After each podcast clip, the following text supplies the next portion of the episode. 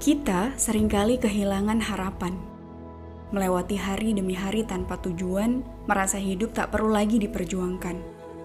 Padahal, terbukanya mata setiap pagi bukan sebuah kebetulan, ialah pertanda Allah masih berikan kesempatan.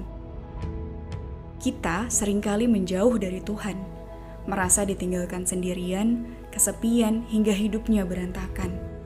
Padahal Allah janjikan dirinya dekat, ia sambut orang yang mau kembali ia dengarkan orang yang selalu berharap, ia kabulkan orang yang mau meminta.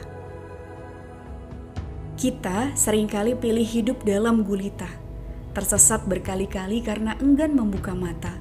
Padahal cahayanya benderang hadir di tengah-tengah manusia. Sejak silih bergantinya para nabi hingga terjaganya kitab suci sampai hari ini.